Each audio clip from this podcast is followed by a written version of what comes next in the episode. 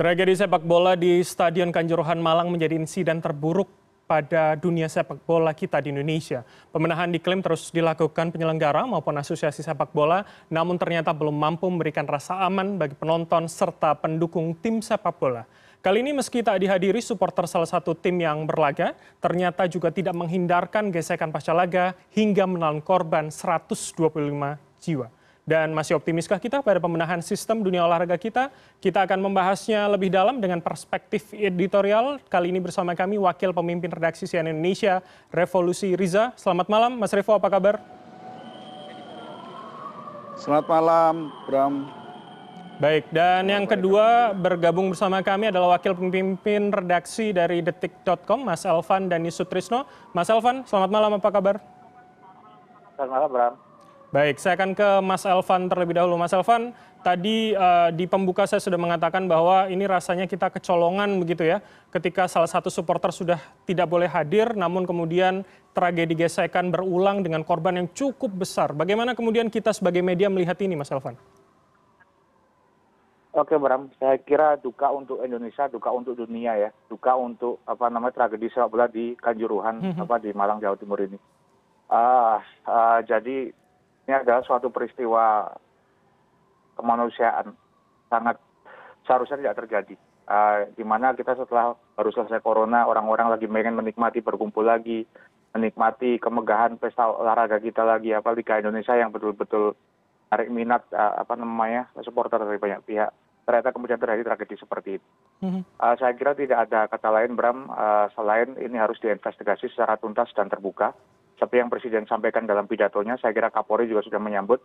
Jadi harus betul betul dilakukan investigasi secara tuntas dan terbuka. Jadi semuanya harus dibikin terbuka. Mm-hmm. karena harus ada yang bertanggung jawab atas tragedi ini.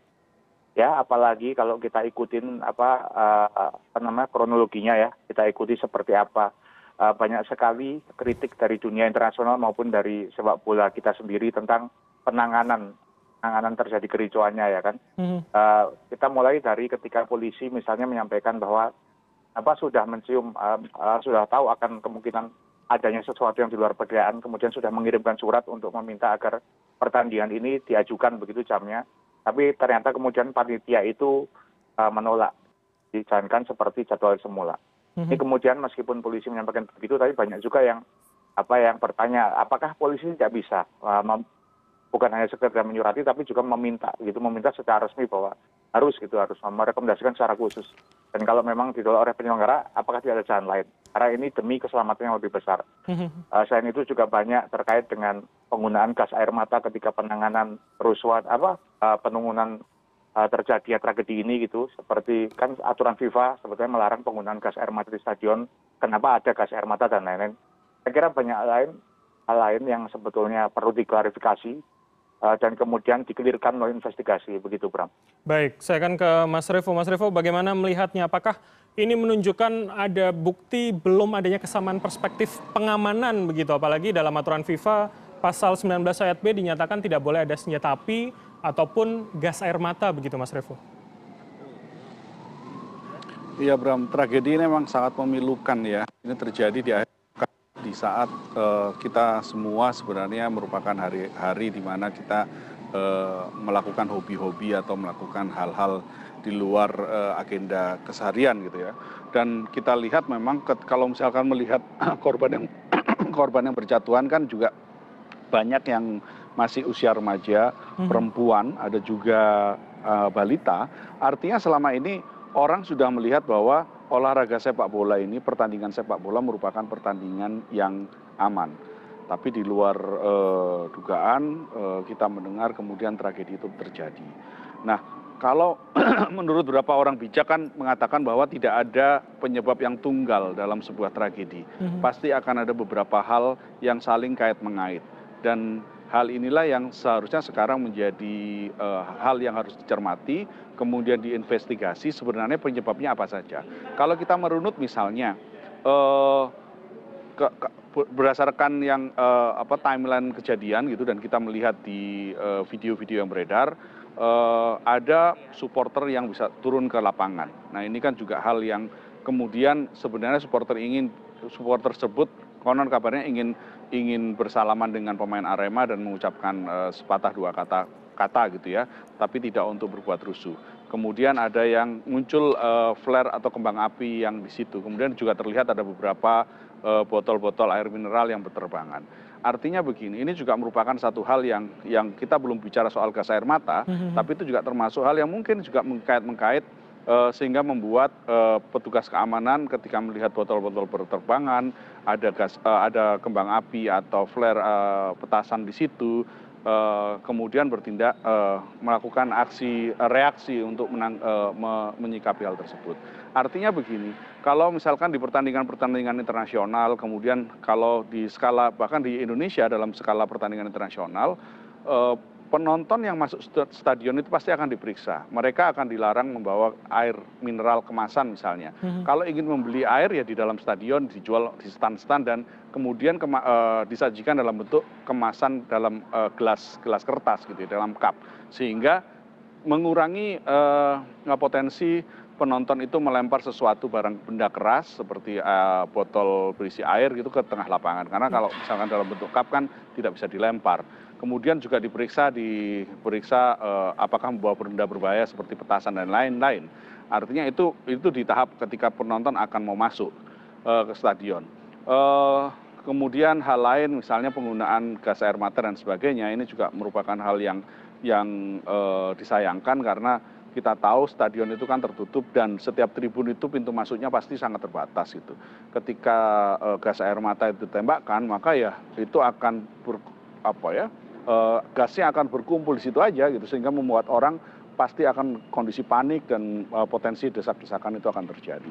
Saya pikir banyak hal yang memang harus diinvestigasi. Kita juga tidak mau mendahului apa kesalahan-kesalahan, tapi kita berangkat dari hipotesa-hipotesa dan semua itu yang sekarang harus di harus diinvestigasi secara menyeluruh baik itu oleh kepolisian oleh uh, oleh PSSI maupun oleh tim independen. Ada baiknya memang sekarang dibentuk tim independen melibatkan semua pihak untuk mengusut kasus ini dan kemudian akan dicarikan formulasinya karena kita tahu bahwa uh, semua orang sekarang uh, juga mengatakan bahwa tidak ada pertandingan atau uh, tidak ada sepak bola seharga dengan uh, nyawa gitu ya, mhm. nyawa manusia dan kita tahu bahwa sepak bola ini adalah olahraga favorit, olahraga yang dicintai banyak uh, masyarakat uh, Indonesia, populer, dan kita tentu berharap kita semua bisa nonton dengan riang gembira ke stadion itu. Uh, berangkat dengan riang gembira, mendukung mendukung tim kesayangannya, uh, menang kalah itu adalah hal yang biasa.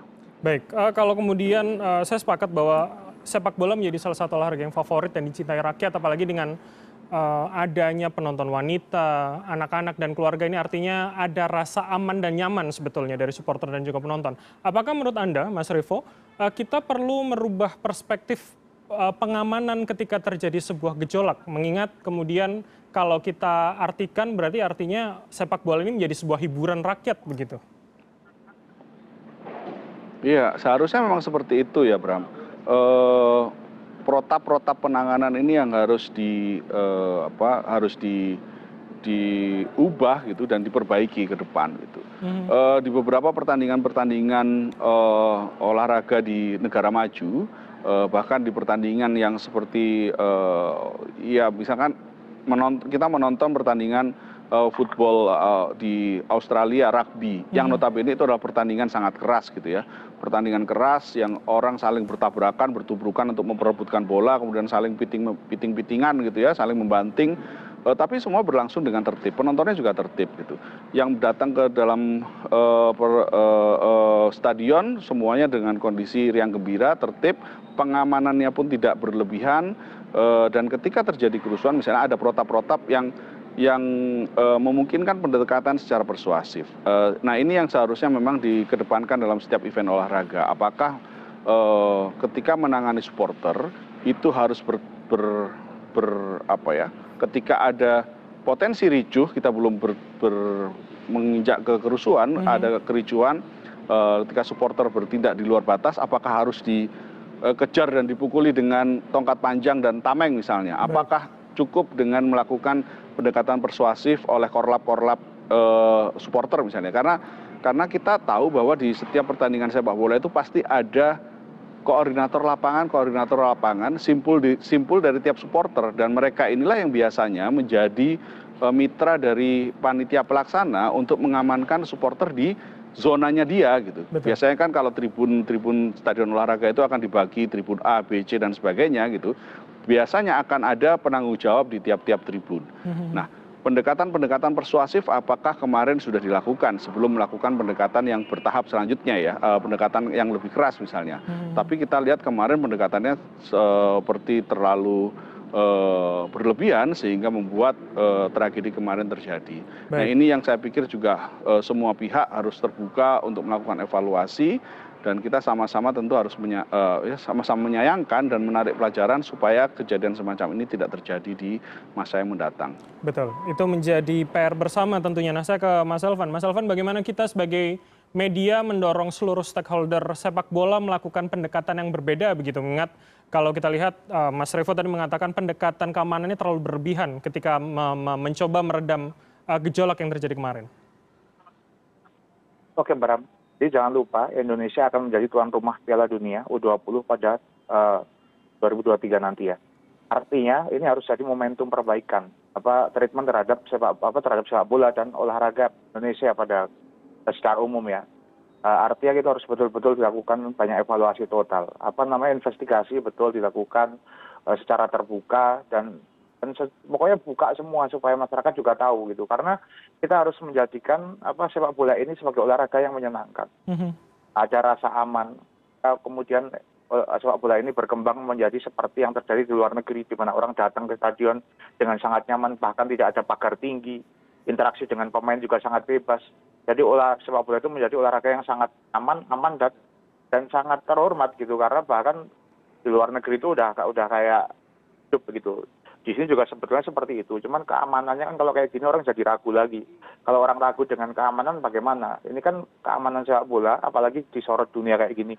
Ini kan pasti akan mempengaruhi nilaian dunia terhadap Indonesia terkait tadi yang saya sampaikan sebagai tuan rumah Piala Dunia U20 mm -hmm. 2023 artinya semua pihak harus melakukan evaluasi secara menyeluruh. Eh, lagi lagi saya sampaikan investigasi harus dilakukan. Kapolri sudah menyampaikan akan melakukan pengecekan total investigasi. Ya terkait gas air mata. Kemudian komnas ham juga hadir ke sana. Kemudian pssi sudah pssi sudah diminta untuk menghentikan. Hmm. jangan cuma dihentikan benahi total benahi total. Jangan buru buru tuntaskan semuanya. Uh, jadi tidak terjadi lagi hal seperti ini. Untuk klub sepak bola juga lakukan persuasif sampaikan kepada penggemar penggemar mereka klub klub penggemar mereka agar sama sama menjunjung tinggi sportivitas eh, jadi jangan emosional emosi tapi juga tidak boleh terjadi kerusuhan eh, bahwa ketika membela klubnya mencintai klubnya bertarung untuk klubnya iya tapi tidak boleh sampai kemudian terjadi kerusuhan apalagi sampai terjadi seperti tragedi di Kanjuruhan ini. Hmm. Eh, saya kira ini harus betul-betul menjadi evaluasi kita bersama memastikan bahwa dunia tahu Indonesia menjunjung tinggi sportivitas dan rasa kemanusiaan. Baik, baik. Uh, rasa persaudaraan bangsa Indonesia itu harus terus kita jaga bersama. Mm-hmm. Gitu, baik, Mas Alvan, sebelum uh, kita jauh membahas ke masalah supporter begitu, uh, ketika tadi kita membicarakan kepentingan uh, pendekatan persuasif, apakah kita juga masih perlu menggunakan uh, pendekatan keamanan, apalagi kemudian kemarin uh, klaim dari Polres Malang sudah mengatakan mengajukan surat untuk pemunduran dari uh, jam pelaksanaan yang harusnya jam 20 menjadi sekitar 15.30 gitu karena karena alasan keamanan. Bagaimana kita juga melihat instrumen ini begitu, Mas Alvan? Ya Bram, saya kira polisi kemudian tentu di daerah ada apa namanya Kamtipnas ya kan, kemudian ada banyak organ-organ negara yang tentu saja bekerja gitu untuk sebelum ada peristiwa besar seperti ini kan pasti tentu ada pertimbangan-pertimbangan dan saya kira karena karena sudah ada prediksi akan terjadi kerusuhan yang mungkin tidak sampai seperti tragedi seperti ini yang diperkirakan. Tentunya kemudian polisi menyurati agar bukan percepatan. Tujuannya biar supporternya belum penuh dan tidak sebanyak ketika jam 8 malam dilakukan begitu kan. Uh, uh, tapi sangat disayangkan ketika kemudian surat disampaikan ternyata sang penyelenggara ditolak. Kemudian meskipun dengan bahasa yang halus intinya adalah yakin bahwa dengan bantuan polisi dan aparat kita menjalankan pertandingan dengan baik. Ya ternyata Eh, harapan tinggal harapan. Yang terjadi tragedi seperti ini. Untuk apa sebuah event sepak bola yang tentu antara Arema dengan Persebaya yang sudah diprediksi sama polisi. Dan orang sudah tahu lah ya kalau supporter ini kan sama-sama diehard sama-sama penggemar berat kan. Artinya seharusnya ada lebih dari lebih dari apa sekedar menolak begitu aja gitu. Maksudnya polisi misalnya melihat ini potensi seperti itu ada jalan lain nggak? Nah ini yang kita perlu tahu nih. Apakah polisi sebetulnya bisa uh, istilahnya bisa hanya memohon tapi juga bisa merekomendasikan dan bahkan menutup stadion misalnya dengan pertimbangan tertentu bisa dengan persetujuan uh, DPRD misalnya atau dengan apa seperti apa kita perlu tahu nih. Nah ini ke depan yang kita pengen tahu. Jadi supaya uh, soal keamanan itu kan kita polisi tentu sudah mengukur kan. Demonstrasi kecil pun polisi sudah tahu kok kira-kira berapa orang yang akan datang. Apalagi stadion yang datang empat puluh ribu lebih gitu kan. Artinya seharusnya ada tindakan-tindakan. Jadi koordinasi harus diperbaiki ya kalau mungkin polisi nggak bisa juga tiba-tiba membatalkan. Mungkin polisi juga menghitung juga nanti bagaimana mengecewakan supporter atau ada pertimbangan lain. Tapi kalau koordinasi lebih baik polisi menyampaikan dengan resiko resiko yang mungkin terjadi. Tentunya seharusnya penyelenggara juga realistis. Uh, ada yang lebih penting dari sekedar kalau kita meminjam pernyataan dari Ridwan Kamil ya hari ini Ridwan Kamil gubernur Jember ngomong berkali-kali tentang rating. Ya kita tentu tidak tahu apakah memang ditayangkan malam supaya ramai tentu tidak tahu meminjam pernyataan Ridwan Kamil kan seperti itu. Uh, rating bukan hanya tentu saja penonton aja mungkin bisa jadi karena animo pengunjung kemudian pride lah ya pride pride acara itu kemudian supaya banyak yang nonton dan lain-lain. Tapi saya kira ada yang lebih penting dari itu di euforia itu. Tapi keselamatan. Karena sekali lagi sepak bola indonesia itu harus dibenahi. Harus menjadi olahraga yang bukan hanya enak ditonton tapi juga aman dan nyaman untuk ditonton secara live. Sehingga olahraga ini naik kelas sepak bola ini naik kelas tidak ada resiko ya kalau tragedi seperti itu tentu perlu waktu Baik. nah karena itu saya sampaikan lagi bahwa ini harus betul-betul dievaluasi semuanya Bram tidak boleh ada yang ditutup-tutupi ya bukan waktunya cari kambing hitam ya buka semuanya tuntaskan semuanya sehingga ke depan sepak bola Indonesia ini bisa lebih baik lagi begitu Bram. Baik, tidak mengulangi kesalahan yang sama begitu. Ini menarik kemudian uh, saya akan ke Mas Rivo. Mas Rivo, apakah kemudian kita sebagai media melihat uh, keamanan, petugas keamanan dan polisian ini kalah bergen begitu dengan dengan apa yang ada di industri sepak bola akhirnya menafikan uh, faktor keselamatan, faktor uh, apa gangguan keamanan yang kemudian sudah di diajukan pada beberapa hari sebelum pertandingan. Seperti apa Mas Revo? Uh, ketika polisi mengajukan apa namanya uh, uh, permintaan untuk pertandingan itu digelar di sore hari, uh, surat itu kan kita belum tidak dijelaskan secara spesifik ya, Bram. Uh, sebenarnya apa yang mendasari polisi meminta pertandingan itu dimajukan? Sebenarnya begini, Stadion Kanjuruhan itu kan stadion yang digunakan oleh Arema FC itu eh, setelah berpindah dari Gajayana kan. Dulu Arema itu tuan, eh, pertandingannya selalu digelar di Stadion Gajayana. Di tengah kota, posisi Gajayana itu tengah kota dekat dengan pusat kota di kawasan Ijen begitu. Eh, tapi kemudian dipindahkan karena Gajayana yang dinilai eh, kurang pada saat itu kurang layak kenapa kemudian digelar di Gajayana, eh di Kanjuruhan? Karena memang secara kapasitas eh, penonton lebih besar, Gajayana itu hanya sekitar 25 ribu, stadionnya kecil, eh, kemudian secara infrastruktur juga kurang memadai untuk pertandingan eh, sekelas divisi utama atau Liga 1 pada waktu itu masih divisi utama. Eh, dipindah ke Kanjuruhan karena ada lighting yang memadai untuk pertandingan di malam hari. Kemudian Kanjuruhan itu juga uh, posisinya di relatif di luar kota, tidak di kota Malang, ada di wilayah kabupaten dan dia berada di kawasan yang pada saat itu saya masih ingat betul kenapa dipindahkan karena alasan keamanan juga.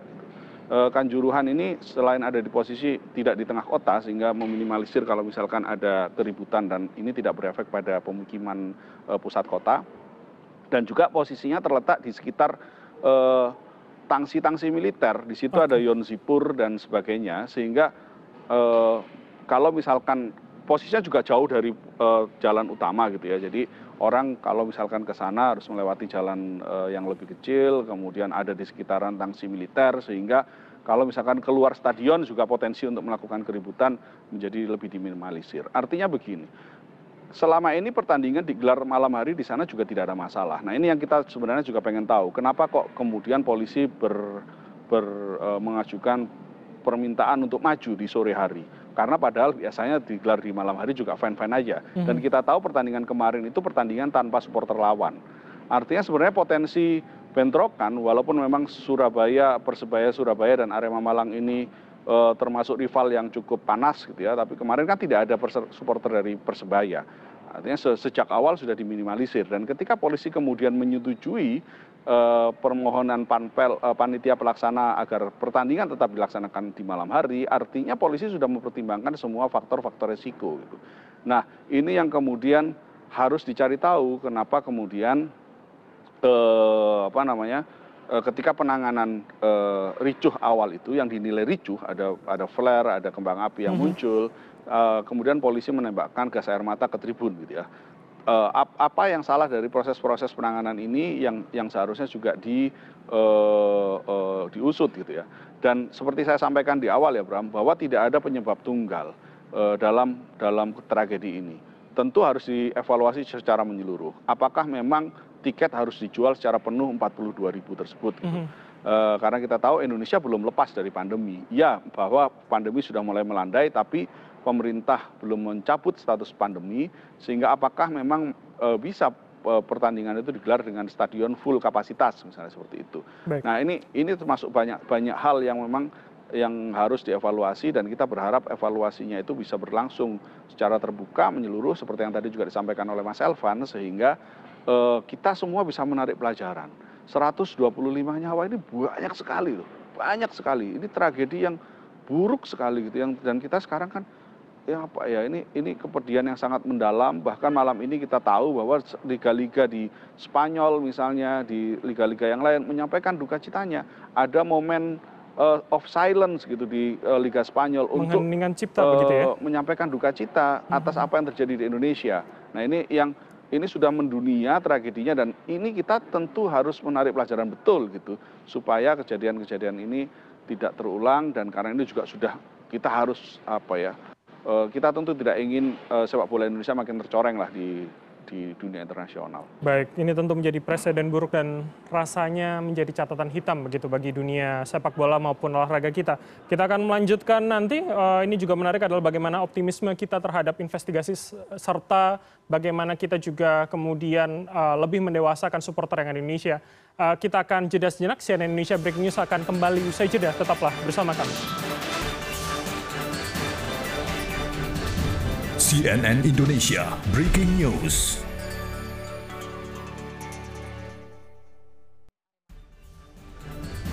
Cnn indonesia breaking news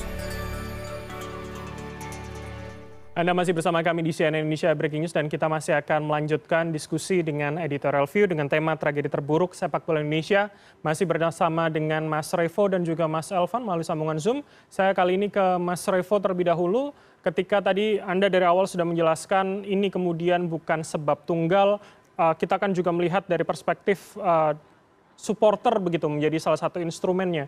Bagaimana kemudian hari ini kita optimis dengan uh, investigasi yang sedang berjalan, namun juga dengan kondisi uh, tidak semua supporter itu bisa kondusif saat saat uh, jagoannya bertanding begitu, Mas Revo.